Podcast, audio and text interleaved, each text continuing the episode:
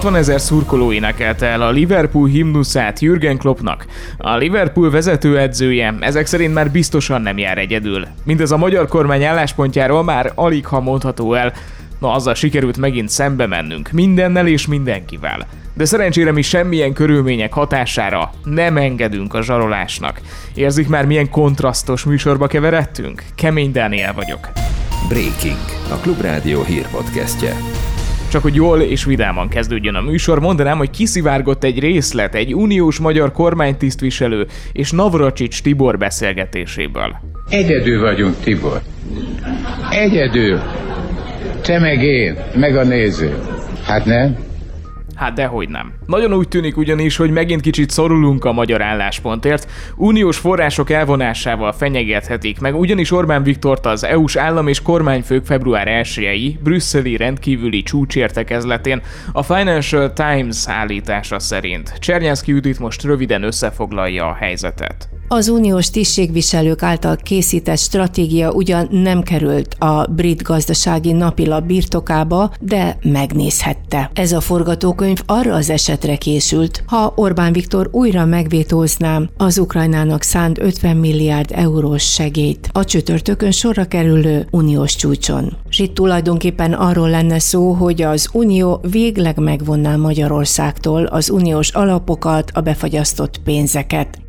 Az Európai Bizottság szóvivője reagált a megjelent hírekre. This article refers to a document. A Financial Times cikke egy tanácsi jelentése hivatkozik. Mi ilyen dokumentumot nem láttunk, ezáltal kommentálni sem tudjuk. Ettől függetlenül természetesen az EU tanácsa ülésének az előkészítése zajlik, és csütörtökön kerül rá sor. On Thursday. Vera Jurova a demokráciáért és átláthatóságért felelős biztos is megszólalt. Blockage of money always comes when the country does not fulfill something. A pénzek visszatartása akkor történik meg, amikor egy ország nem teljesít egy követelményt. Magyarországon nem volt biztos, hogy kellőképpen üldözik a csalást és a korrupciót. Azonban amint megreformálták az igazságügyi rendszert, az EU is elkezdte felszabadítani a pénzeket. Ám ha Magyarországon rosszabbodik a jogállamisági helyzet, akkor ismét zároljuk az Európai Uniós forrásokat. Ez egy dinamikus demokratikus folyamat. Ami a szavazati jog esetleges megvonását illeti, ez a tagállamok vezetőinek a kezében van. A hetes cikkely alapján mindenkinek egyet kell értenie. 26 member states to say yes. Magyarország soha nem enged a zsarolásnak, írta az Országgyűlés Európai Ügyek Bizottságának Fideszes elnöke a Facebook oldalán. Varga Judit azt írta, Brüsszel mindig is így működött. Zsarolnak minket az illegális migráció megállítása, az LMBTQ őrület visszaverése és a háború elutasítása miatt. Ezt már a bizottság elnöke sem tagadja. Tárgyalás helyett zsarolás, konstruktív párbeszéd helyett fenyegetés, fogalmazott a kormánypárti politikus. Orbán Viktor valószínűleg felismerte, hogy súlyos következményei lesznek, ha nem mennek bele Ukrajna pénzügyi támogatásába, mondta Szent Iványi István külpolitikai szakértő a Klubrádióban, aki szerint nem véletlen, hogy a kormány javaslata puhult, és már nem utasítják el, hogy a tagállamok a közös uniós költségvetésből segítsék ki Ukrajnát. Tudomásomra jutott, hogy a tanácson belül fölállítottak egy belső munkacsoportot, nek az volt a feladat, hogy dolgozza ki, hogy mit lehet kezdeni Magyarországgal abban az esetben, hogyha továbbra is makacskodik. Most kiszivárgott a munkacsoport által készített anyag, ami hát nagyon komoly szankciókat helyez kilátásra, például az összes pénzügyi támogatás leállítását. Na most ezzel nyilván tudomást szereztek, meg valószínűleg tudomására is hozták a magyar kormánynak, hogy ez van, mert most Pálni gyorsasággal szombaton egy új javaslattal álltak elő ez már annak a jele, hogy megérezte Orbán Viktor vagy a környezete, hogy elmentek a falig. De egyébként szerintem még az ukránokkal való kapcsolat felvétele is összefügg ezzel a kérdéssel. Én azt gondolom, hogy lesz puhulás a magyar álláspontban, és a végén föl fogja adni ezt a merev ellenállást, mert most már túl nagy a tét. Eközben, ahogy hallották, Szijjártó Péter és Dimitro Kuleba ukrán külügyminiszter is találkozott egymással. Ez a legmagasabb kétoldali kormányzati szintű magyar-ukrán tárgyalás azóta, hogy Vladimir Putyin orosz elnök parancsára az orosz hadsereg egységei 2022. február 24-én lerohanták Ukrajnát. Korábbi nyilatkozatok szerint a fő cél Orbán Viktor ukrajnai látogatásának megszervezése.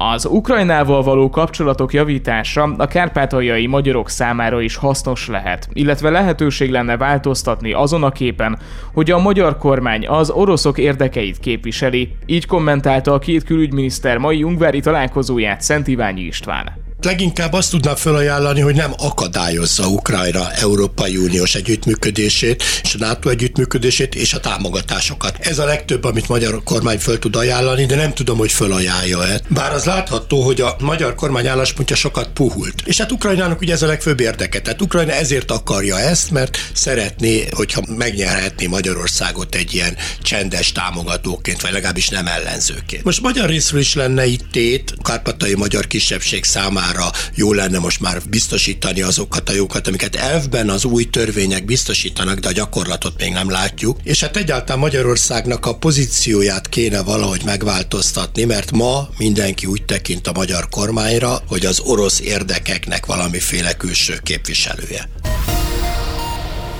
A Momentum a vasárnapi küldőgyűlésén nagy többséggel elfogadta, hogy a párt országos elnökségében és a párt saját listáin 2026-tól nemi kvótát alkalmaz a tisztújítások és listaállítások esetén, olvasható a párt közleményében. Azt írják, hogy az elnökségben és a listaállítások esetén a pozíciók 30%-a lesz biztosított a kisebbségben lévő nem, jelen állapot szerint a nők számára. Emellett a listaállításoknál a cipzárelvet is alkalmazzák majd, ez alapján két azonos nemű jelöltet egy ellentétes neműnek kell majd követnie. Eközben még mindig közös indulás szorgalmaz az MSP. A Fidesz legyőzhető, de ehhez a demokratikus ellenzéki pártoknak közösen kell indulniuk az idei EP és önkormányzati választáson jelentették ki az MSP társelnökei.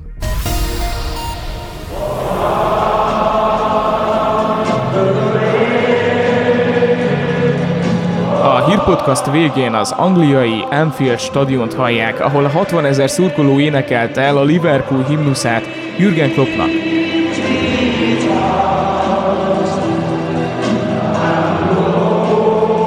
Ez láthatóan meg is érintette az edzőt, aki pénteken jelentette be, hogy elhagyja a Liverpoolt a szezon végén, mert pihenésre van szüksége.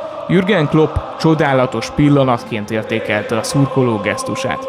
A német edző 2015-ben érkezett a Liverpoolhoz a Borussia Dortmundtól. A 2019-20-as szezonban megnyerte a Premier League-et, és jelenleg is vezetik az angol bajnokságot.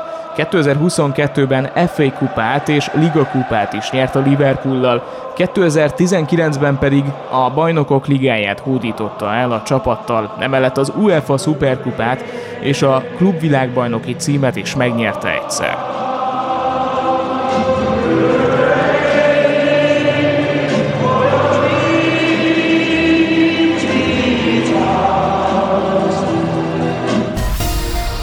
Végül az időjárásról egész...